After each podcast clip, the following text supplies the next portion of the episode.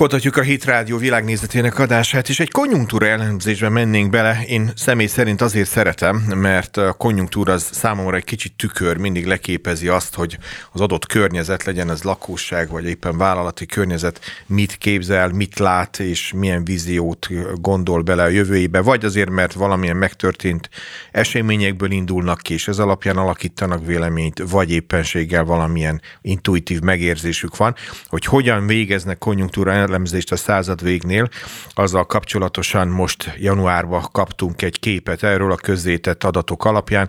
Ezt fogjuk elemezni egy kicsikét a következő percekben. Vendégünk pedig Isépi Tamás, a századvég konjunktúra ZRT makrogazdasági üzletág vezetője. Jó napot kívánok! Jó napot kívánok! Üdvözlöm, kedves hallgatókat!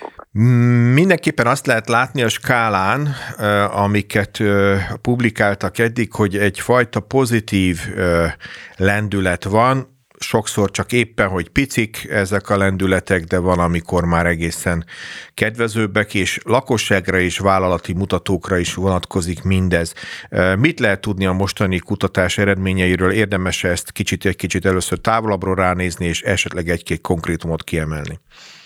Jó, hát azt látjuk, hogy mind a lakossági konjunktúra index, tehát valamiféle konjunktúra érzet, a jövőbe tett bizalom, illetve valamilyen konjunktúrával kapcsolatos elképzelések tekintetében a lakosság is uh, kevésbé borulátó, mert alapvetően azt láttuk, hogy tavaly júliusban volt egy mínusz 16,8-es érték, onnantól kezdve ez 26 és 29,9 között ingadozott, most mínusz 22,4, ami azt jelenti, hogy egy 5 hónapos szakasz után most egy emelkedő trendet mutat, tehát valamiféle trendfordulót vélünk felfedezni a lakosságnál is, és a vállalatoknál pedig ott pedig egy szeptember óta, október óta egy emelkedő trend van, és ott mínusz 16,4-es az érték, az előtte levő decemberi mínusz 21,9 után illetve a lakosságnál pedig mínusz 29,9 után. Azt azért azt gondolom, hogy érdemes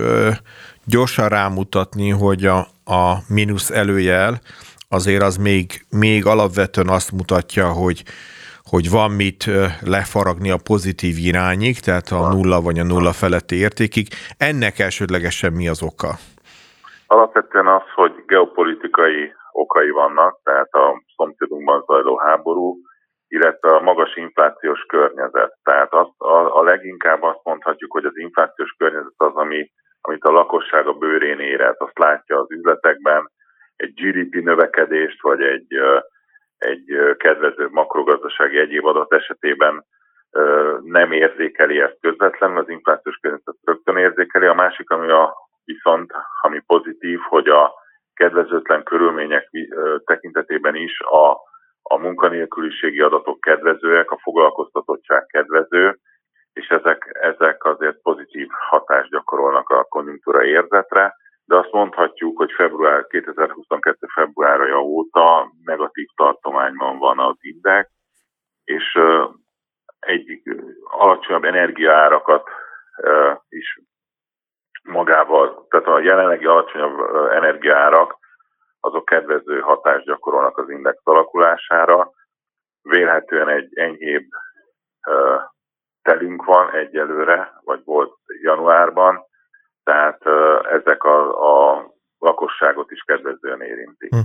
Igen, ezt érdemes egyébként egy kicsit szétszálazni, amennyire ebből következtetéseket lehet levonni, hogy mik azok, amik befolyásolhatják a, kutatásnak ilyen értelemben a tendenciái. Tehát ugye az egyik a lakossági oldalról a, az energiaárak, ami nyilván a háztartások fenntartásában egy X költséget képvisel, tehát hogyha abba könnyebb úgymond áttelelni azt az időszakot, amit egyébként lehet, hogy valami negatív viszonyhoz igazított eddig a lakosság, tehát hogy az ennyiben mag annyiba fog kerülni, és mégse annyiba kerül, akkor ez nyilván egy pozitív tendencia, tehát a mérési eredmények ezt visszaigazolják. Milyen más preferenciák vannak, amiket a lakosságnál érdemes vizsgálni, és mutatott is valamit. Nyilván a kérdésnek a másik fele is akkor már feltevődik, hogy az a vállalkozói oldalon hogy működik. Tehát először a lakosságnál akkor kérdésére válaszolva, ott a másik, ami érdekli a lakosságot nagyon, és érdekes, hogy a januári adatban nyilván nem kedvező, de legnagyobb pozitív irányú elmozdulás az a lakosság esetben a forint-euró árfolyamának alakulását uh-huh. jelenti, a jövőbeni egy év alakulását. Most december végén 400 forint volt az euró árfolyama, tehát gyakorlatilag kevesebben mondták azt, hogy jelentős csökkenést várnak. Tehát volt egy negatív trend a forint-euró árfolyamában, és kevesebben vélik azt továbbra is fennmaradni a jövőben. És hát ez látszik is a forint árfolyamán, most mondjuk nyilván nem feltétlenül a lakossági vélekedés az, ami a forint árfolyamot mozgatja, de nyilván egy várakozás, akkor kevesebben mondják azt, hogy átváltják a forintjukat euróra, hanem többen azt bíznak a forint erejében. A, a másik a foglalkoztatás, tehát itt, itt visszatérek még egy mondat erejéig, hogy, hogy ott nem várják azt, hogy, hogy jelentős mértékű hát foglalkoztatottság csökkenés következik be, sőt, azt várják, hogyha hogy ez tartósan fennmarad, illetve azt is, hogy a, a esetleges vállalati elbocsátás esetében könnyen találnak új, új munkahelyet. Tehát a, az idő, a, új munkahely keresésnek ideje az, az továbbra is meglehetősen rövid időt tesz ki. Az inflációban viszont még nincs áttörés, tehát ott egy markánsan magas, ott is kedvezőbb várakozások vannak előre tekintőben, de, de még ott nincs áttörés. A vállalatoknál pedig azt tudjuk mondani, hogy ott is négy szétszállazási lehetőség van, gazdasági környezet, iparági környezet, termelési környezet és üzleti környezet. Itt mindegyik mutató esetében azt mondható, hogy, hogy kedvezőbbek az adatok, és itt, uh, itt az üzleti környezet az, ami a legmarkánsabban uh, javult. Alapvetően uh, egy, ami... egy, egyébként a, a vállalati szektor, vállalkozási szektorra például ez a vonulat, amire azt mondjuk, hogy üzleti környezet, ez, ez mit fogalmaz magában, mit vizsgál ilyenkor a mutató? Alapvetően néhány, tehát mindenki, 31 kérdés van, a vállalati lakosságnál emlékeim szerint 28 kérdés, és uh, itt például az üzleti környezet az az alapvetően a gazdasági, jogi és egyéb, egyéb tényezőket foglalja magában, tehát összességében azt gondolja, hogy ez nem fog változni. Tehát mondjuk itt mire lehet gondolni, például az adókörnyezet az nem változik kedvezőtlenül, tehát ezeket foglalja magában elsősorban. Uh-huh. Ami, igen, a, nézzük a többit, és aztán majd itt lesz egy kérdésem szintén még a vállalati szektorhoz igazodóan. Jó. A, a leginkább az, ami, ami esetleg borulátóan látják továbbra is, az a rendelésállománynak a jelenlegi szintje. Tehát kevesebb rendelést kapnak, ez mondjuk látszik, a, tehát a vállalatok hamarabb megértik azt, hogy mi, van, mi, mi történik a jövőben. Ez, a hosszú távú szerződéseiken keresztül jobban meg tudják azt látni már előre, hogy, hogy ott milyen árfolyamatok indulnak el, mennyire tudják áthárítani a költségeiket a következő a, a termelési lánc vagy, vagy üzleti folyamatoknál a következő piaci szereplőre, és ez, ezt sokkal jobban tudják alkalmazni a későbbiek folyamán. Tehát az, a vállalatok sokkal hamarabb látják ezeket a folyamatokat, és nyilván itt a rendelésállomány esetében az, az, az amiben legborulátóbbak. De itt is azt mondhatom, hogy, hogy az, a kérdések döntő többsége az, az, az kedvezőbbé vált. Nyilván egy borulátóbb szintről egy kevésbé borulátó szintre módosult. De áttörés az nyilván még nincsen. Igen, igen. Az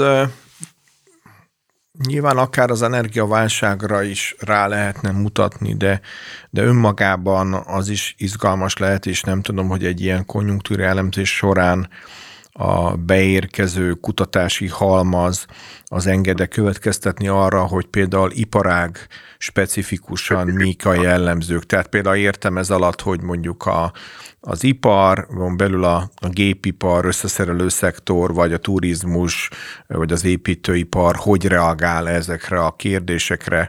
Tehát van-e hm. iparági specifikáció? Van iparági specifikáció, öt, ipa, öt ágazatot nézünk, és ebben nincsenek előttem az adatok, de azt tudom mondani, hogy, hogy le tudjuk bontani ezer mintás a, a, a megkérdezés a vállalatok esetében is, és a lakosság esetében is. Mind a kettő reprezentatív, tehát leképezi azt a vállalati és lakossági szerkezetet, ami, ami Magyarországon hát jellemző. Reprezentatív jellemző, Magyarországon jellemző. És alapvetően azt tudjuk mondani, hogy kérdésenként lehet, lehet kérdésenként is ezt megnézni, alapvetően nincsen nagy eltérés. Tehát mezőgazdaságot nézünk, építőipart, ipart, szolgáltatás és kereskedelem. És talán egy, egyet lehet kihozni, hogy a, a átárazás, tehát az, hogy mennyire tudták áttolni a költségeket a következő, az üzleti lánc következő elemére, az a kereskedelemben jóval jobban megvalósult az elmúlt időszakban, de most látva azt, hogy a kiskereskedelmi árak a forgalom jelentősen csökken, azt mi is látjuk, hogy, hogy kevésbé tudják áthárítani a költségeket. Tehát ott, ott ö, ö, érződik ez jobban. A mezőgazdaságnál ez, ez az uh-huh. asszály időszakában ez egy érdekes kérdés, hogy az elmúlt időszakban az, az egy hát nehezebb helyzetben levő iparág volt, vagy nehezebb helyzetben levő ágazat. Most a mezőgazdaság esetében ez talán fellendülést hozhat, vagy jobbak a várakozások e tekintetben. A picit a lakosság és a vállalati szektornak talán egy ilyen közös halmaza is, ön is utalt rá már így érintőlegesen, az a foglalkoztatottságnak a kérdése. Ugye nyilván a lakossági oldalról az, hogy bizakodóak esetlegesen egy munkahely megtartási szempontból, vagy esetlegesen ha váltani kell, akkor könnyen találok munkahelyet, ez egyfajta mutatóként jellemzi. De ugyanez a vállalati oldalon is mérhető, jelenkezik, hogy igen, úgy tűnik, hogy nem lesznek szükségesek a, a költségek átfaragása okán tömeges elbocsátásokra? Én alapvetően azt gondolom, hogy igen, tehát nem, nem, nem lesz Hát bíznak abban, én azt gondolom a vállalatok esetében is, a Covid járvány krízis esetében is volt az államnak különböző intézkedése, amelyekkel a munkahelyek megtartását célozta, tehát ez is benne van a pakliban, hogy, hogy ezek a intézkedések megtörténnek, illetve bíznak talán abban, hogy az árak, van egy van további kérdéseink vannak, abból látjuk, hogy a az energiárak tekintetében egy visszaeső árszerkezetnél, vagy visszaeső árszintnél, és annak stabilizálásakor a vállalati profitok is hát kedvezően alakulhatnak, illetve az energiaintenzív vállalkozásoknál hát nem rónak akkor a költségeket a vállalatokra. Hogy folytatódik? Tehát mi lesz a vizsgálat további periódusa? Negyedéves, havi, mit érdemes havi ilyenkor továbbvinni? Havi bontás, tehát tulajdonképpen havonta történik ez a vizsgálat. Ez 2019. augusztusa óta folyik, és uh, tulajdonképpen uh, ezek, amit továbbít el, és amit nagyon helyesen feltett kérdésként, az az, hogy ágazatonként ezt le lehet szedni teor kódra, tehát az, hogy hogy egy alágazati szintre is le lehet menni tulajdonképpen, csak nyilván az ezeres minta az nem feltétlenül tesz lehetővé esetleg egyes iparágaknak az elérését úgy reprezentatívan, hogy, hogy mondjuk több, több, mondjuk több bányavállalat van, vagy több, tehát az, az kevésbé. Azt tudom mondani, hogy a, a tehát havi szintű bontásban megy tovább a vizsgálat, a következő eredmények az 24-én fogjuk publikálni, tehát február 24-én. És általában 20-a és 25-e között fognak kijönni az adataink, az naptár az a következőben elérhető lesz a honlapunkon, és hát érdekes, mert érdekes lesz azt nézni, hogy hogyan módosulnak ezek a konjunktúra indexek, illetve melyek azok az alapvető kérdések, amelyekben pozitív irányú vagy negatív irányú elmozdulás történt, illetve még egy érdekesség van, azt itt a, tehát az előre tekintő, a visszatekintő, tehát alapvetően, hogy borulátó vajon mi tekintetében, az a visszatekintésben, vagy az előre tekintésben Igen, van. abszolút így van. Tehát ez a egy érdekes kérdés lett, hogy további vizsgálatokat is igényel. Hát én is talán azt sem, azt sem lehet mondani most feltétlen, hogy olyan könnyű következtetéseket levonni, hisz Igen. egy konjunktúra időszakban, amikor pozitív mezőben haladunk a 10-ről a 15-re, a 15-ről a 20 százalékra, akkor úgy nagyon nem lehet mellé lőni. Most viszont szinte azt lehet mondani, hogy egy adott heti eloszlásban tud akkor a fordulat beállni, mert mondjuk holnap az üzemanyag árak még 10 vagy 20 forinttal csökkenni fognak. Ez nyilván akár a februári konjunktúra indexet már jelentősen fogja befolyásolni, de az még hagyjám, hogy az befolyásolja. Könnyen elképzelhető, hogy bizonyos gazdasági potenciáloknak, tehát mondjuk a szállításnak, logisztikának még akár kedvez is. Úgyhogy én köszönöm szépen, szerintem érdemes lesz erre visszatérni a következő hónapban is, pontosan emiatt, mert nagyon gyorsan változó tendenciákról van szó, és Épi Tamás, századvég konjunktúra kutató ZRT makrogazdasági üzletág vezetője volt a vendégem, és a januári konjunktúra elemzésen mentünk végig, azt elemeztük ki. Köszönöm, hogy itt volt velünk.